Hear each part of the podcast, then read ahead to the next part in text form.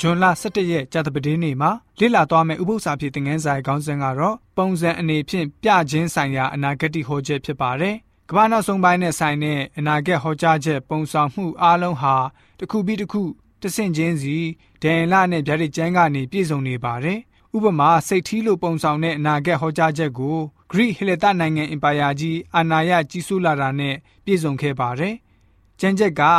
အဲ့ဒီအမည်နာမအတိအကျနဲ့ကျွန်တော်တို့ကိုဖော်ပြပေးခဲ့ပါတယ်။ပုံစံအရေးပြလေ့လာခြင်းပညာမှာလူပုဂ္ဂိုလ်ကိုအာယုံဆုစိုက်တာဖြစ်စေအကြောင်းအရာကိုဆုစိုက်တာဖြစ်စေဒါမှမဟုတ်ဓမ္မဟောင်းရဲ့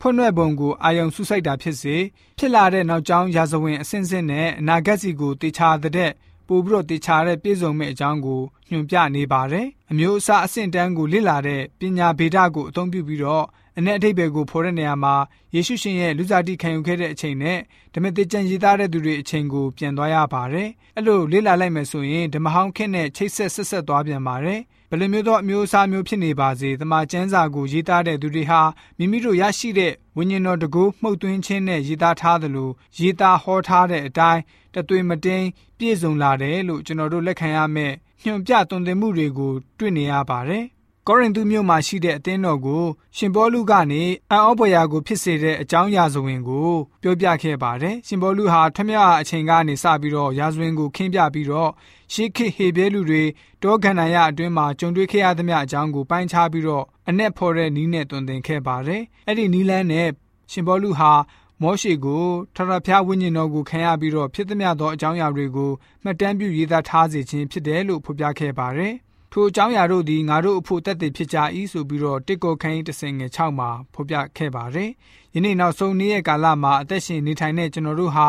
ဝိညာဉ်ရေးဣတိလလူမျိုးတွေဖြစ်တဲ့အားလုံးညီစွာစုံစမ်းခြင်းကိုကျင့်ကြံခံနိုင်ကြဖို့လိုပါတယ်။ရှမသက်ခရစ်ခန်းကြီး7ငယ်40ရှင်ဟန်ခရစ်ခန်းကြီး14ငယ်36ရှင်ဟန်ခရစ်ခန်းကြီး3ငယ်14 15ယောမဩရစာခန်းကြီး9ငယ်14ရှင်ဟန်ခရစ်ခန်းကြီး1ငယ်29ကိုဖတ်ပါမယ်။ ယောနာသည်ငါးကြီးဝမ်းထဲမှ၃ရက်နေရတဲ့ကဲ့သို့လူသားသည်မြေကြီးထဲမှ၃ရက်နေရလက်တံထိုအကြောင်းအရာက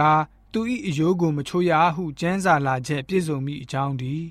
မောရှေသည်တော၌မွေကိုမြောက်ထားတဲ့ကဲ့သို့လူသားသည်မြောက်ထားခြင်းကိုခံရမည်အကြောင်းမူကားထိုသားတော်ကိုယုံကြည်သောသူပေါင်းတို့သည်ပျက်စီးခြင်းသို့မရောက်ထောရသက်ကိုရမည်အကြောင်းသည်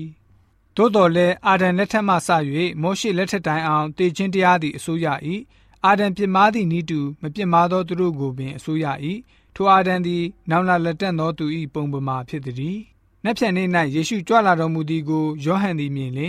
ဤလောက၏အဖြစ်ကိုဆောင်သွားသောဖျားသခင်၏တိုးတငယ်ကိုကြည်လို့ဆိုပြီးတော့ဖော်ပြထားတာတွေ့ရပါတယ်။အကြောင်းအရာတိုင်းကတော့ယေရှုရှင်နဲ့ဓမ္မသစ်ကျမ်းရေးတဲ့ပုံကိုယ်တွေကပုံစံအရေးပြအနေနဲ့ပြထားတဲ့အမျိုးအစားအလိုက်ပြောဖက်ပြထားတဲ့အနာဂတ်ဟောကြားချက်နဲ့အ내ပြည့်စုံလာတာကိုဖော်ပြတဲ့အကြောင်းတွေ့ရပါတယ်။ အဲ့ဒီနေရာဖြင့်သူတို့တွေဟာပိုပြီးတော့ကြီးတဲ့ပိုပြီးတော့တိကျတဲ့သမိုင်းကြောင်ပြည့်စုံခြင်းအစစ်အမှန်ကိုထပ်မံတွေ့ရှိရမယ်လို့ညွှန်ပြပေးနေခြင်းဖြစ်ပါတယ်။တမန်ကျမ်းစာထဲမှာဆိုလို့ရှိရင်ပုံစံပြအရေးသဘောနဲ့တဲတော်အကြောင်းကိုတွေ့ရမှာပဲဖြစ်ပါတယ်။ဒီတဲတော်ဟာဆိုလို့ရှိရင်ကျွန်တော်တို့ရဲ့ကယ်တင်ခြင်းစီမံကိန်းတစ်ခုလုံးကိုဖော်ပြဖေးထားတဲ့အရာပဲဖြစ်ပါတယ်။ဘုရားရှင်ရဲ့ဖော်ပြချက်များကိုကျွန်တော်တို့အနေနဲ့သိရှိနားလည်ပြီးတော့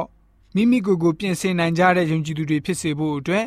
ကြတဲ့ပဒင်းနေဥပု္ပ္ပစာပြေသင်ခန်းစာကပုံစံအနေဖြင့်ပြခြင်းဆိုင်ရာအနာဂတ်ဟောချက်ဆိုတဲ့အကြောင်းအရာနဲ့ဖော်ပြအားပေးထားပါတယ်။